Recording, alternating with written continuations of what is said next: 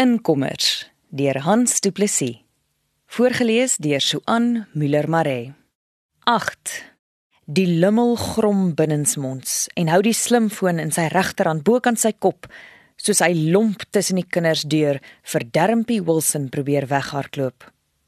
Hy spring vermaakerig op die laaste stoep, struikel amper, plaas die vark sy enkel breek die maar dermpie met die muisgesiggie en die dun beentjies in die wit skoolsokkies hardloop gegelind soos 'n flippen laerskooldogtertjie agter die logge ding aan terwyl sy spring spring kamptig die sel in sy hand probeer bykom. "Flippet Piet man!" verwyd sy skril en sug melodramaties. Die kinders in die groot vierkant raak stiller en kyk geamuseerd na waar die twee op die stoep speel asof dit verhoog geword het vir die vertoning van die akteur met die lyf van 'n vaskopstit en die skraal aktrise met die vaal hare en die potsierlike brilletjie. Die groote brom en maak weer of hy van die sel aflees. "Njau, gee my sel!" sê die muis gesig, nou effens benoud, seker omdat sy begin agterkom hy gaan 'n boodskap op die skerm uitblaker. Sy probeer weer die foon in die hande kry maar Pietman gryp na die stoeppaal met sy linkerhand en swaai met sy swaar bolyf van die paal af weg sodat Dermpie dit nie kan bykom nie. Al huppel sy soos 'n vrot ballerina op haar tone. Verder weg op die diskantste stoep staan ek plakker 'n entjie van Mara de Wit af. Soos gewoonlik staan sy alleen met haar een arm om 'n stoeppaal geklem. Dit lyk of sy ongeërg kyk na die twee wat oor die selfoon stry, maar ek weet sy is nie so min gepla as wat sy probeer lyk nie. Sy ken die twee, ken hulle te goed, het sy al vir my gesê. Hoe sal sy nou nie vir Dermpie Wilson ken nie? Hulle woon dan onder dieselfde dak. Vir Pietman sommer met sy amper geel hare wat al ewig te mekaar en te lank is, ken sy van kleins af. Hulle was mos bure voordat haar ouers maar oor haar hartseer praat sy nooit nie. Nie eers met my nie. Soos wat ek nie met haar oor myne praat nie. Sy sê sy dink liewer aan ander goed. Ek ook. Soos nou. Ons kyk selfs vir die simpel twee op die stoep asof hulle die moeite werd is om na te kyk. "Shit, Piet man!" skel Dermpie weer. En ek kan sien sy begin haar wip omdat sy seker nou eers agterkom dat hy wragtig die hele boodskap vir die ganse skool wil lees. Ek het dit actually net vir jou gewys. 'n Mens sou sweer sy wil aan die chunk raak. Pietman lag en praat hard sodat almal in die vierkant hom kan hoor. Hoor net Darmpie se amazing WhatsApp poetry. Ag asseblief. Mara sê sy is op ou Pietman verlief. Hy bly dramaties stil want hy weet hy kry nou die kinders se aandag of hy kom agter dat dit oor hom gaan. Die skielike stilte is net so drukkend soos die warm oggend. Naby my op die stoep los die blonde Mara haar krampagtige hou vas op die stoeppaal. Sy ruk haar asem in, die lippe trek dun. Sy wil vorentoe beur. Ek ken haar. Ek wil na haar toe gaan, maar ek weet dit is nie nou die regte tyd nie. Voordat sy iets kan doen, sien ek Meld de Bruin skuins agter haar. Hy steek sy hand na haar toe uit en vat haar liggies van agter aan die elmboog. Moenie Mara, keer hy. Ek krap haar oë uit, antwoord Mara. Los hulle, sê Meld onderlangs. Jy weet mos dis nie die moeite werd nie. Pietman, dis nie Pietman nie, onderbreek Mara hom sissend. Dis Dermpie wat hom dryf. Hy doen dit nie uit sy eie nie. Hier en daar giggel iemand onderlangs, maar die meeste staar in 'n geskokte stilte na Mara. "Pietman, ek haat jou!" skree Dermpie, asof sy agterkom die aandag is nie meer net by haar en Pietman nie. 'n Mens sou sweer sy wil chunk as jy haar nie ken nie, sê Mara altyd. Dermpie oortuig miskien net een of twee van die graad 8s wat verwonderd na die groter kinders luister. Dis glad nie snaaks nie. Meld Die fris ou met die donker hare is net skielik reg onder die stoep voor Pietman. Dermpie staan effens stru. Ek het meld nie eens van Mara af sien wegloop nie. Hy praat sag, maar almal kan hom hoor. Hy klim doelgerig op die stoep tot langs Pietman. Jy los vir Mara uit. Of vra Pietman uitdagend, maar hy laat tog vinnig die hand met die selfoon sak. Of daar is moeilikheid. Meltebrein, Mr Muscle, smaal Pietman, maar mik tog om homself 'n dermpie terug te gee. Jy los vir Mara uit, sy het jou niks gemaak nie. Ja pa, nog pa, spot Pietman en gooi die sel na dermpie toe. Sy vang dit, maar dan gly dit uit haar hande uit en val kletterend op die sementstoep. Dit spat oop. Die battery skuif oor die stoep. Sorry, sorry, brom Pietman en tel die battery op. Wag, laat ek jou help. Ek gaan vrek. En Dermpie gryp die battery uit sy hand uit. Spring van die stoep af en probeer haarself weer aan mekaar sit. Vark! sis sy onderlangs. As dit stikkend is, gaan jy 'n nuwe een koop. Doodse stilte. Terwyl almal kyk hoe sy die foon se battery terugsit en die deksel toeknip. Dit lyk of haar hande bewe. Stilte. Totdat die foon sy dingetjie speel. Jy kan blerry bly wees, sê Dermpie en loop weg sonder om na ons kant toe te kyk. Pietman grinnik en spring lomp van die stoep af. Jy kan maar vir Mara kry ou meld. Sy sal tog nooit 'n ander ou kry nie. Vat haar verniet, sê hy terwyl hy wegloop. Die kinders begin uitmekaar gaan. 4 graad 9 meisies sit gebukkend, koppe naby mekaar op die stoep en giggel oor iets wat een van hulle vertel. Kleiner seuns hardloop om hulle en gooi 'n rugbybal vir mekaar. Hier en daar twee of drie wat gesels. Oral hang selfone en tablette tussen dansende duime. Die gelag en gepraat styg in die warm oggend in die lug in op. Verdwyn asof dit iewers oplos net om weer van die groot speelgrond af soos hittegolwe die lug in te sweef. 'n Meisie naby aan ons kyk reguit vir Mara, maar sy sê niks nie. Bly net met simpatieke oë staar terwyl sy die tablet se oorfone in haar ore prop en op maat van een of ander stuk musiek wegwieg. Ek kyk na Mara en sê eers niks nie. Eintlik omdat ek nie weet wat om te sê nie. Tussen ons is praat in elk geval nooit 'n gebabbel nie. Ek haat 'n gebabbel oor niks. Natuurlik kry ek haar jammer, want ek het al agtergekom dat dit vir haar niks lekker is om by Dermpie hulle te bly nie. Maar sy sê sy het nie 'n keuse nie. Ek het nog nie verder gevra nie, want ek weet hoe erg dit is om te moet bly waar jy nie wil nie. Jy moet maar bly omdat jy nie 'n keuse het nie. En jammer is die laaste ding wat ons soort nodig het. Ek sweer sy hoor nie eers die musiek nie, sê ek maar vir Mara en kyk na die kind wat met swaaiende boude en oorfone wegdans asof sy net elke derde noot vang. Tussen die berge hoef ons nie oorfone in ons ore te geprop het nie. Ons het sommer na die musiek van die veld geluister. Onthou Mara en vee vinnig met die agterkant van haar hand oor haar neus. Dis die eerste keer dat sy van self oor die berge praat. Maar sy skuif die onthou blykbaar driftig uit haar kop uit en draai weg. Eenkant gaan sy weer teen die paal leun. Haar oë dwaal oor die kinders. Dan kyk sy voor haar uit. Ek weet huil help lankal nie meer nie. By wie sal sy huil? Daar's niemand nie. Sy dink die Sophie wat haar klein tyd opgepas het, is seker ook al weg en sy sou ook nie alles verstaan het nie. Ek kan raai hoe Mara voel. Sy trek in haarself in terug in haar eie verlange waarvan sy so min soos ek verstaan, maar wat haar enigste houvas geword het. Verlang is 'n vloekwoord, het ek en sy al vroeër besluit. Mara staan afgetrokke na die kinders om haar en kyk. Sonder dat sy dit seker self besef, sug sy. Sy kom die laaste tyd nie eens meer agter hoeveel sy sug nie. En wie gee om? Pietman is regte vark Mara. Moenie jou aan hom steur nie, sê Meld skielik agter ons. Jy ken hom mos. Natuurlik ken ek hom en ek weet ek moet hom ignoreer Maar dit is nie heeltemal so maklik nie. En hy bedoel dit nie sleg nie.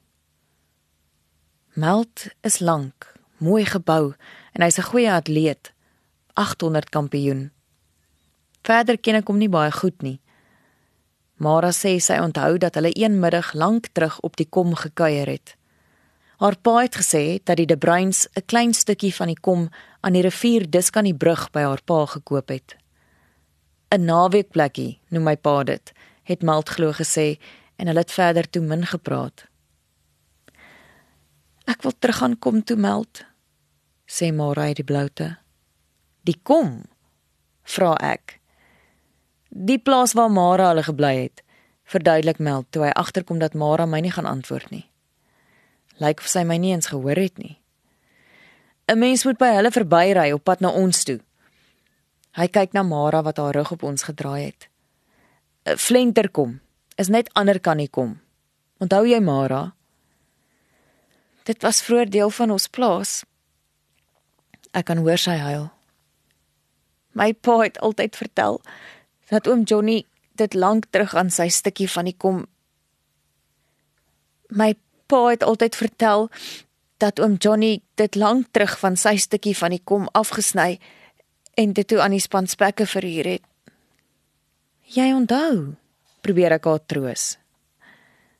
Mens vergeet nie jouself nie.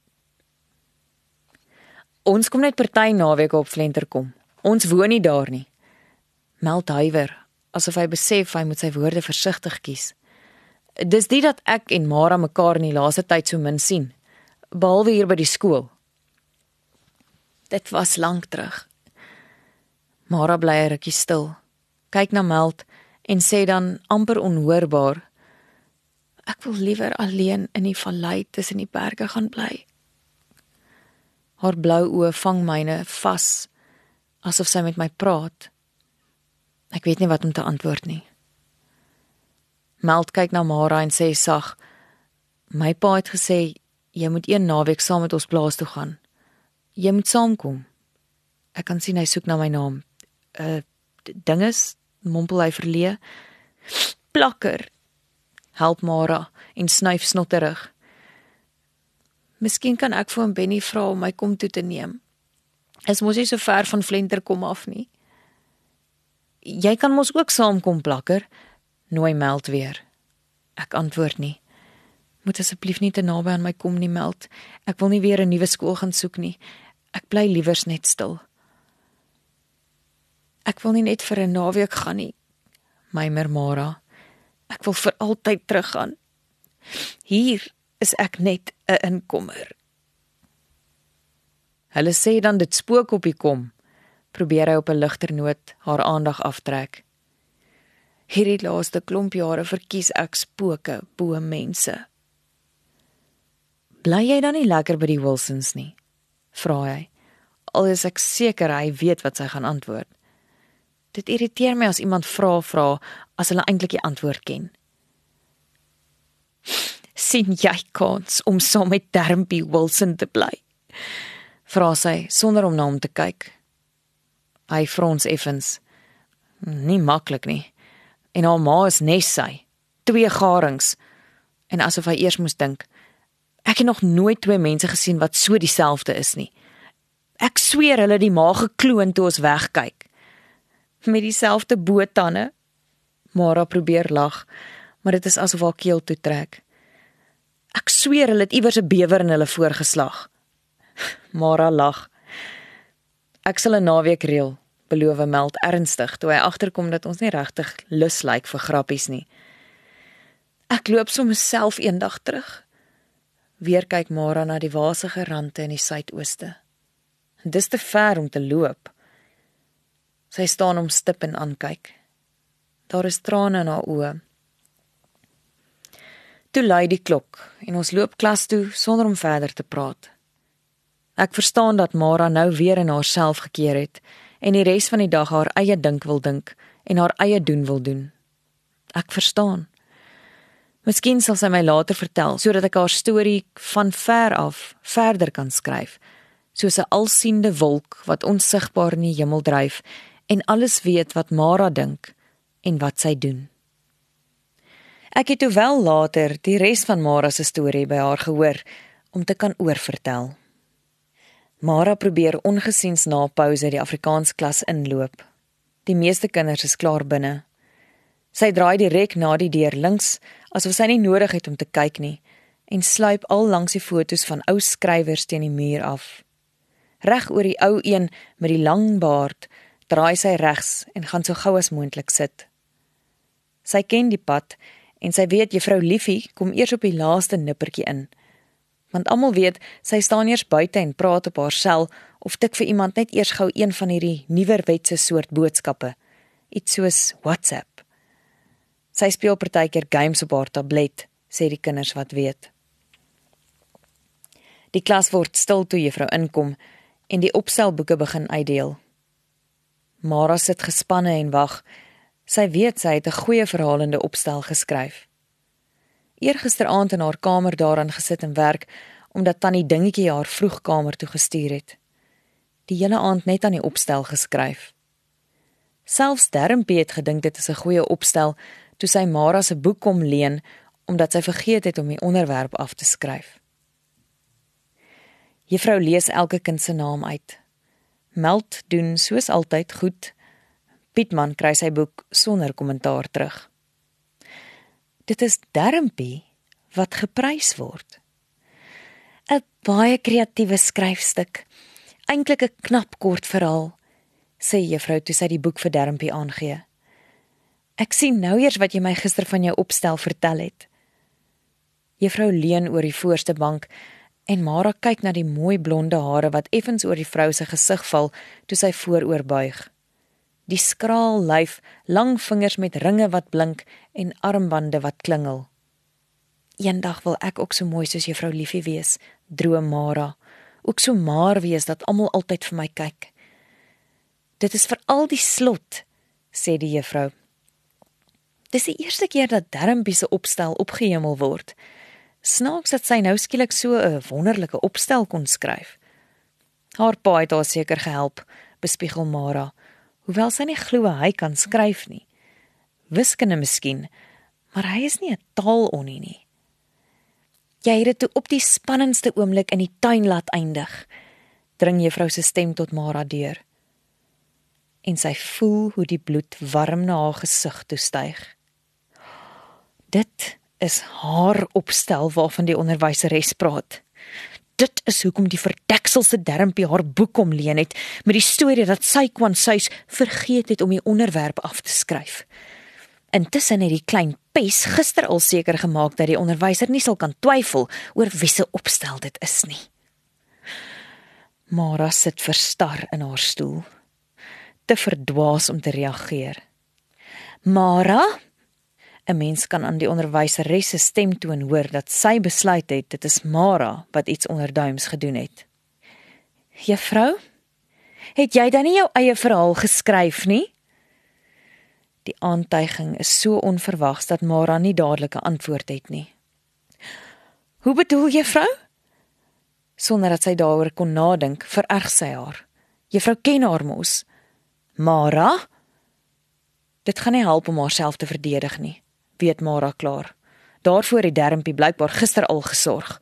Dit sal nie help nie. Jy is onregverdig, wil sy skree. Jy beskuldig sommer. Ek het juffrou, ek het 'n hele aand daaraan gewerk.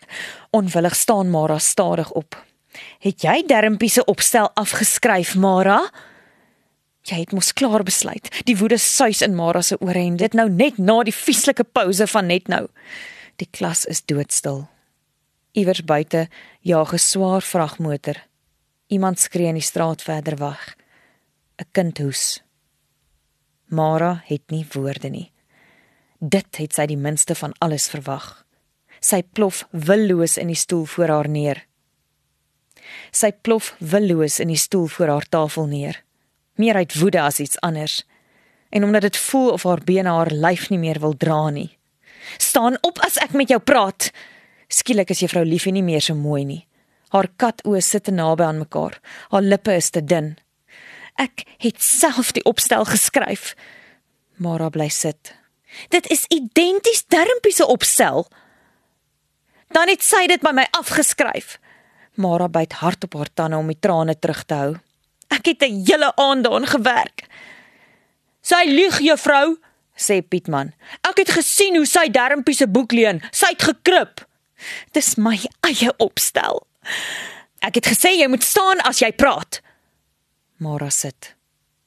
Sy leen altyd my boeke met my huiswerk in. Dermpie glimlag vir juffrou Liefie. 'n Mens kan die oë agter die brilglas nie pyl nie. Ons kan dit na die klas verder bespreek, sê juffrou Liefie en gaan met die les aan. Die verhalende opstel moet 'n storie Juffrou Mara weet nie waar sy die moed vandaan haal nie, maar sy praat hard, hard genoeg dat die onderwyseres moet stil bly. Sy staan. Die stoel se eysterpote kras oor die harde vloer. Sy kom half regop, haar gesig voel of dit brand.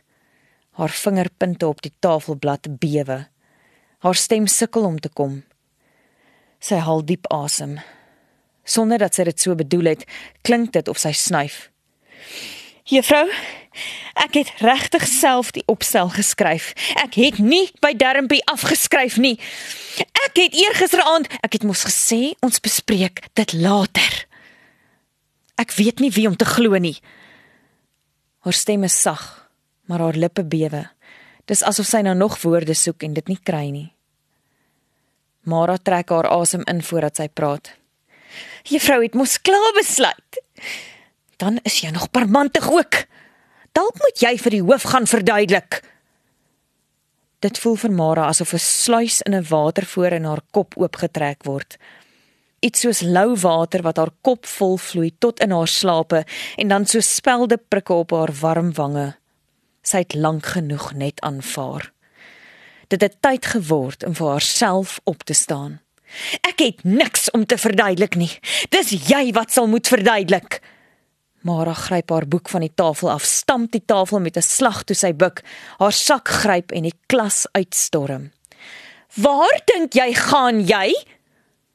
Mara hoor die onderwyseres agter haar skree. sien deur die trane skaars die deur. Omdraai kan sy nie sal sy nie. Dit maak buitendien nie saak waarheen nie. Sy's aan die beweeg. Verbuister probeer sy verstaan hoe dit moontlik is dat juffrou Dermpie so onvoorwaardelik geglo het. Seker omdat sy 'n pa en 'n ma het. Mara gaan staan toe 'n kiewit skellend van die rugbyveld af opvlieg. Kalmeer, het haar pa altyd gewaarsku. In woede kan jy jou hand van jou arm ook afruk. Daar moet iewers fout wees. Juffrou Liefie is nie onregverdig nie. Miskien stry sy en haar man ook partykeer soos Dermpie se ouers. Juffrou en haar man het seker beklei, want sy is nie altyd so nie. Sy's gewoonlik vriendelik en sy verstaan kinders. Maar dit weet sy. Rusie in 'n huis loop mos saam met die rusiemakers by die deur uit. Mara gaan moeg op die onderste trappie van die paviljoen sit. Sy gooi byna argeloos haar boeksak tussen haar voete neer. Die sug kom van self. Sy wring haar twee hande saam asof sy wil bid. 'n Gewoonte wat sy die laaste jaar aangeleer het, besef sy nou eers. Haar vingers ineengestrengel asof dit die seer binne in haar kan dooddruk. Haar lewe het 'n liderlike draai gemaak, verkeerde kant toe. Hoekom is alles so verkeerd? Alles. Mara reageer nie toe plakker agter haar aanroep nie. Sy gaan met haar gesig in haar hande op hulle paviljoen sit. Meld ek my kom roep. Ek kan dink hoe jy voel, sê plakker toe sy op die paviljoen gaan sit. Wat weet jy van voel plakker? Mara staan op en loop. Plakker draai om, terug na haar klas toe. By 'n kraan buig Mara omdat haar mond skielik kurkdroog is.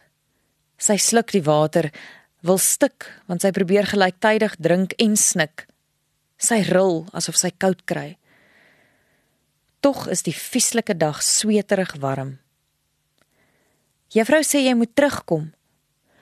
Mara vlieg regop. Kyk om. Moet jy so skielik agter my kom staan, Gertjie Afrikaner? wil sy skree. Wanneer laas het jy met my gepraat? Juffrou het my gestuur. Hoekom vir jou? Van wanneer af gee jy om wat van my word? Jy weet mos ek bly nie in die dorp nie. Ek ry elke dag saam met Pietman hulle van die kom af. Ek sien jou omtrent nooit nie. Hoekom kan ek nie ook op die kom bly nie? Maar jy woon mos by Dermpie hulle. Ek is bly as jy dink 'n mens noem dit woon. Gertjie trek net haar asem diep in. Miskien moet jy teruggaan en ekskuus sê. Gertjie kyk nie na haar nie. Gaan sê jy is jammer? Ek is nie jammer nie. Dis hulle wat vir my ekskuus moet vra. Gertjie kyk na haar. Haar stemtoon het gemaak dat sy weer kyk. Sy ken nie die trek om Mara se mond nie. Maar een ding kan sy sien.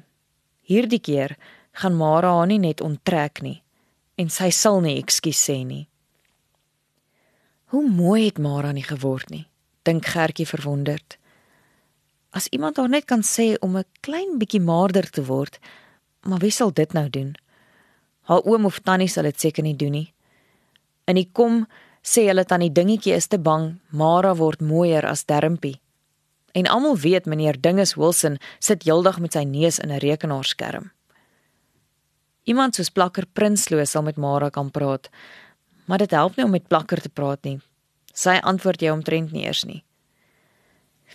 Ek gaan huis toe. Mara staan op. Tel haar sak op en hang dit oor die een skouer. Skud haar blonde hare, kyk reguit vir Gertjie. Watter kant toe is die kom nou weer? Ver, ver soontoe. Bedaai Gertjie suidoos. Hulle gaan my nie verder boelie nie. Nie hulle nie. Gertjie kyk op na Mara waar sy op die onderste trappie van die staalpaviljoen staan. Die son blink in haar hare. Sy glo haar. Sy kyk weer na Mara se gesig. Sy glo haar regtig. Al weet sy nie presies wat sy bedoel nie. Hulle sal nie troos Gertjie sag. Ek sal vir juffrou sê jy voel siek. Jy hoef niks te sê nie. Van hier af skryf ek my eie storie. Sy dink 'n bietjie. As ek by iemand 'n opstel wil afskryf, sal dit wragtig nie by simpel dermpie wees nie. Miskien by plakker ja, maar not te hel by daardie muis gevreet. Ja, daai plakker kan skryf. Gertjie staan vir Mara en kyk. Sy spring van die trappie af, swaai haar sak oor die ander skouer en stap doelgerig oor die netbalbaan. Ruk lank kyk Gertjie haar agterna. Miskien verbeel sy haar dit net, maar dit lyk tog asof haar skouers nie meer so heeltemal regop is nie. Dit moet swaar wees. Seker dit dat haar pa sê Mara sal nog die boedelaasvoëls ook oorleef. Wie die aasvoëls nou eintlik is, het haar pa nie gesê nie maar sy kan raai. Verder hoor sy die komskinder dat daar iets is wat die boedel vertraag. Party sê meneer Dinges wil die testament vir niemand wys nie. Hy wil die wild plaas en al die geld vir homself hou. Almal weet ook dat meneer Dinges Mara van die plaas af weghou.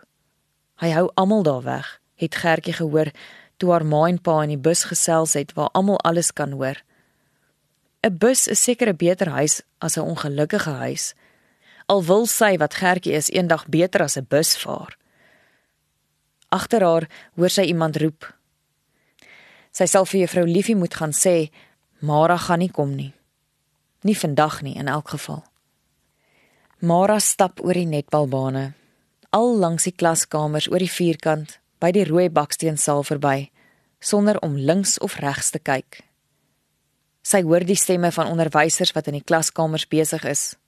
Sy hoor hier en daar 'n gezoem waar die kinders aan die gang is.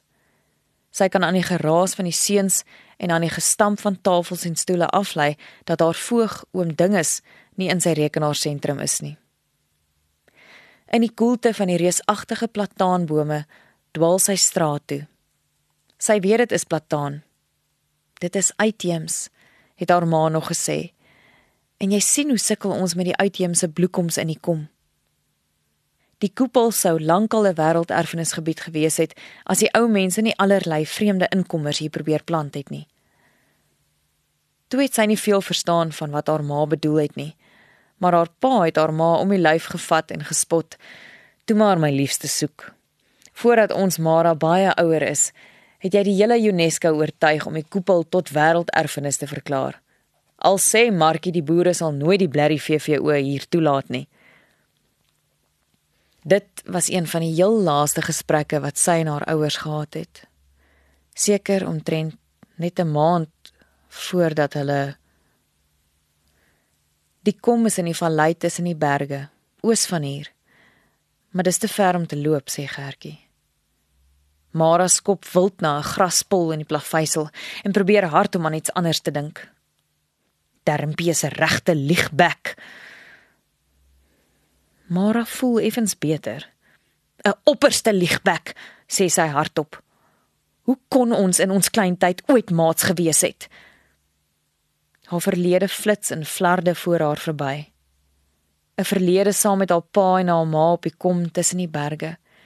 Die bosse met die milde skemeraand by die suipings. Sy onthou die groot ou huis, die buitehuis waar die ou mense gebly het en oom Johnny se toilet. Sy onthou die nuwe huis nader aan die rivier. Jou luukse rivierhuis, net soos wat jy dit gedroom het, my lief. Het haar pa nog vir haar ma gesê toe die drie van hulle die eerste aand op die groot balkon gesit het en die son oor die lae rand sien sak het. Mara onthou die lang tabakskuur wat haar ma nog in gastekamers wou omskep. Sy wil hierdie laaste jaar na hulle dood liewer nie onthou nie die drukkende dorp, die klein kamertjie, die verskriklike eensaamheid. Sy dink terug aan die stil aande op die kom, die kuiers by die bure, die kerk Sondag in die skoolsaaltjie aanderkant Flenterkom. Oom dinge hulle wat in die laaste jaar nog nooit in 'n kerk gekom het nie. Mara sien mamma en pappa en sy by die kombuistafel. Hulle koppe wat afbuig oor die borde pappa se stem. Oom Dinges bid nie aan tafel nie. Met wie kan sy deesdae praat? Verplakker ken sy nog te kort. Verder voel dit vir haar asof sy deesdae eintlik net vir Dermpie ken. Maar sy praat nie meer met haar nie. In elk geval nooit ordentlik nie. As Piet maar net soms wil luister as sy wil gesels, maar dit voel vir haar of hy haar van altyd af nie raak sien nie. Al probeer sy hoe hard om vriendelik met hom te wees. Sy wens Pietman wil net een keer sien dat sy nog altyd vir hom omgee. Die ergste was toe hy net nou gelieg het dat hy gesien het hoe sy Dermpie se opstelboek leen. Dermpie het hom seker weer een of ander iets beloof as hy saam met haar lieg. Vroer was haar vriende die veld om haar. Dit is net meld. En daar plakker al is sy 'n bietjie ouer as hulle. Vir die eerste keer in 'n baie lang ruk kom dit iewers in haar agterkop op dat sy dit mos nie so hoef te aanvaar nie. Hoe anders? Toe gaan sy stil staan. Hou jou kop hoog. Hou jou kop hoog, sou haar pa gesê het. Ons laat ons nie boelie nie. Ons is mense van die kom. Sy kyk op onderdruk die sug en maak haar oë toe. Dit help nie. Bid het sy lankal geleer, help nie altyd nie. 'n Verkeersman in 'n motor ry voor haar verby. Hy waai. "Gaan vrek," sê sy sag. Bal haar vuiste langs haar sye en stap oor die warm swart teer langs die wit sebrastrepe oor die straat. "Ek sal nie op julle wit strepe loop nie. Ek loop waar ek wil." Sy sien skaars die kar wat stadiger ry om agter haar verby te kom. Eers toe die motor amper verby haar is, kyk Mara na die vrou agter die stuurwiel. 'n Dikbek vrou met 'n dik donker bril wat by haar dubbelken pas. "Vir wie kyk jy?" wil sy vra. "Jy kan wag. Julle stadsmense kan wag. Julle kan in elk geval ook nie self besluit of julle 'n stad of 'n dorp is nie.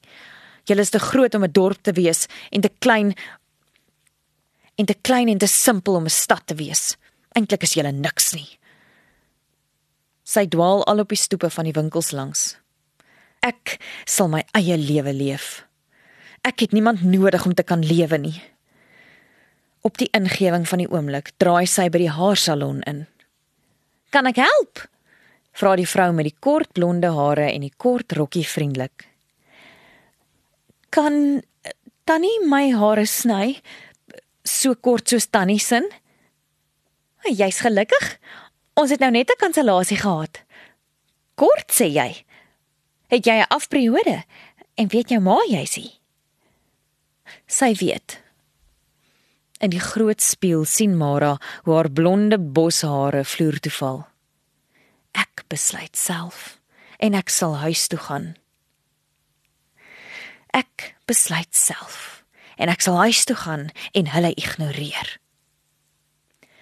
Die Wilson se hek staan oop. Oor kan die straat is die laerskool verlate. Net een of twee karre staan onder die bome. Die kerk se horlosie verder in die straat af slaan 3 slae, helder in die warm dag. Ek is laat, begin sy twyfel. Wat daarvan? Sy gooi haar sak oor haar skouer en stap in. Deur die wit hek, al met die lang pad die erf in. Die gras is droog, die tuin onversorg. Die gekraakte sement van die inrypad is warm, vrek warm. Die houtdeure van die dubbel garage is nog oop. Al twee voertuie staan in die garage, die ouerige bakkie en tannie dingetjie se Mazda. Sasha blaf totdat sy sien dit is Mara. Toe kom sy sterk swaaiend nader en skuur teen Mara toe sy haar groot kop vryf. Die radio is aan. Hulle sit al drie by die kombuistafel. Oom Dinges, tannie dingetjie en Dermpie met haar swart bril en die bootande met die draadjies. Hulle kyk na Mara. Nie een groet nie. Drie vol struise, dink Mara, vol struise met bootande. En sy verkneukel haar heimlik aan die humor van haar eie metafoor. Sy bly in die deur staan, selfbewus, want hulle kyk net, praat niks. Versigtig laat sy haar sak van haar skouer afgly en sonder geluid tot langs haar voete sak. Sy hou die lang skouerband nog in haar een hand. "Middag," groet sy en wens haar stem het sterker uitgekom. "Waar was jy? Ek bel my mal agter jou aan." Ek het nie my sel by my gehad nie. Steeds groet nie een nie. Dit is net Dermpie wat snuif asof sy skielik wakehoors het. Hulle sit by die gedekte kombuistafel, kos klaar ingeskep. Daar is net vir 3 gedek. Drie enerse swart voetjies glinster op die tafeldoek langs elke bord. Die ou spul kan ook nie vir 'n sekonde sonder die goed klaarkom nie. Die donderende stilte is nie vir Mara vreemd nie. Sy is gewoond aan hulle stilstype. Dis maar een van die Wilson Dis maar een van die Wilson maniere van afknou. Aan die begin sou sy daaroor gehuil het. Nou maak dit nie eers meer so baie seer nie. Vandag nog minder. Sy buig haar knieë effens hak die draaband weer oor haar skouer en kom stadig regop. Begin omdraai om te loop. Sy het ook al geleer om hulle te ignoreer. Sy weet hoe dit hulle irriteer as sy nie reageer nie.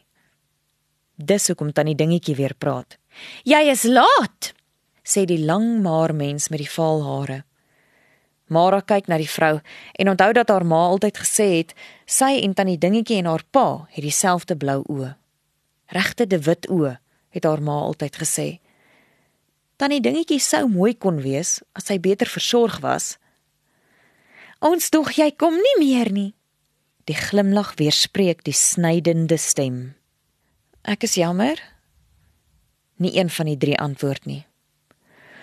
Ek hoor jy maak toe jou nuggie tot leenaar voor die hele klas.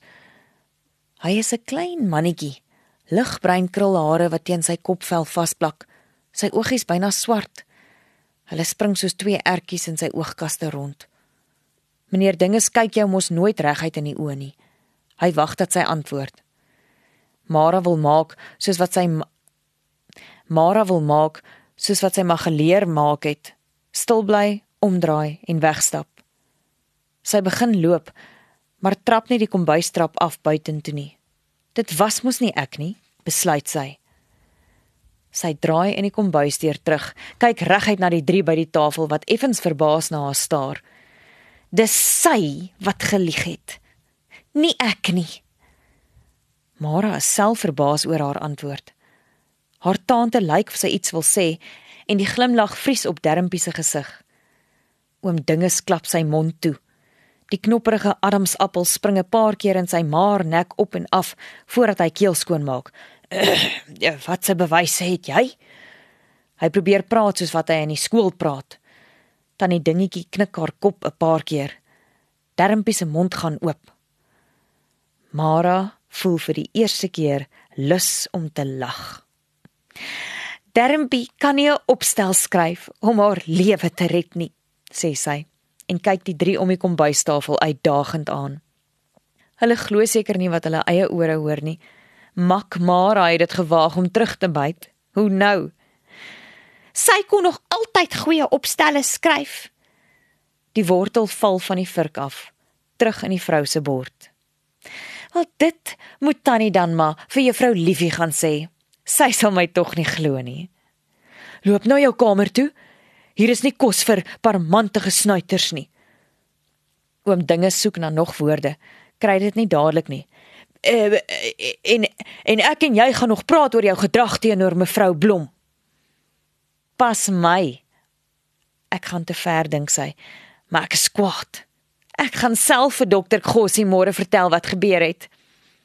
Dit is duidelik dat die drie om die tafel haar glo. Het jy jou beplanning en jou eerste poging gehou? Vra sy direk vir Dermpie en sy kan sien hoe die skrik in haar swart oogies spring. Jy weet mos ons moet dit môre ingee. Ek hoef jou niks te antwoord nie. Nee, jy hoef nie. Gelukkig het ek myne en ek gaan dit môre vir dokter wys. Mara swaai in die deur om en klim die trappie af. "Met wie dink jy praat jy?" vra die ma. "Ja, met wie praat jy?" ego die dogter. "Met jou, jou klein kloon. Jy maak my siek." Is al wat Mara aan kan dink om te sê. Sy kry lekker toe die stuk aartappel omtrent uit die vrou se mond val. Oom dinge sy wang met die vurk raaksteek en Dermpie met haar mes en vurk roerloos in die lug bly sit. Toe kap Dermpie met die mes se agterkant op die kombuistafel dat die borde rinkel. Jy het my opstel gesteel. Die trane is groot druppels agter die dikbril. Jy lieg.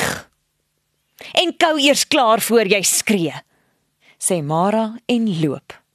Sy moes lankal dwars gaan staan het, besluit sy en maak haar kamerdeur agter haar toe.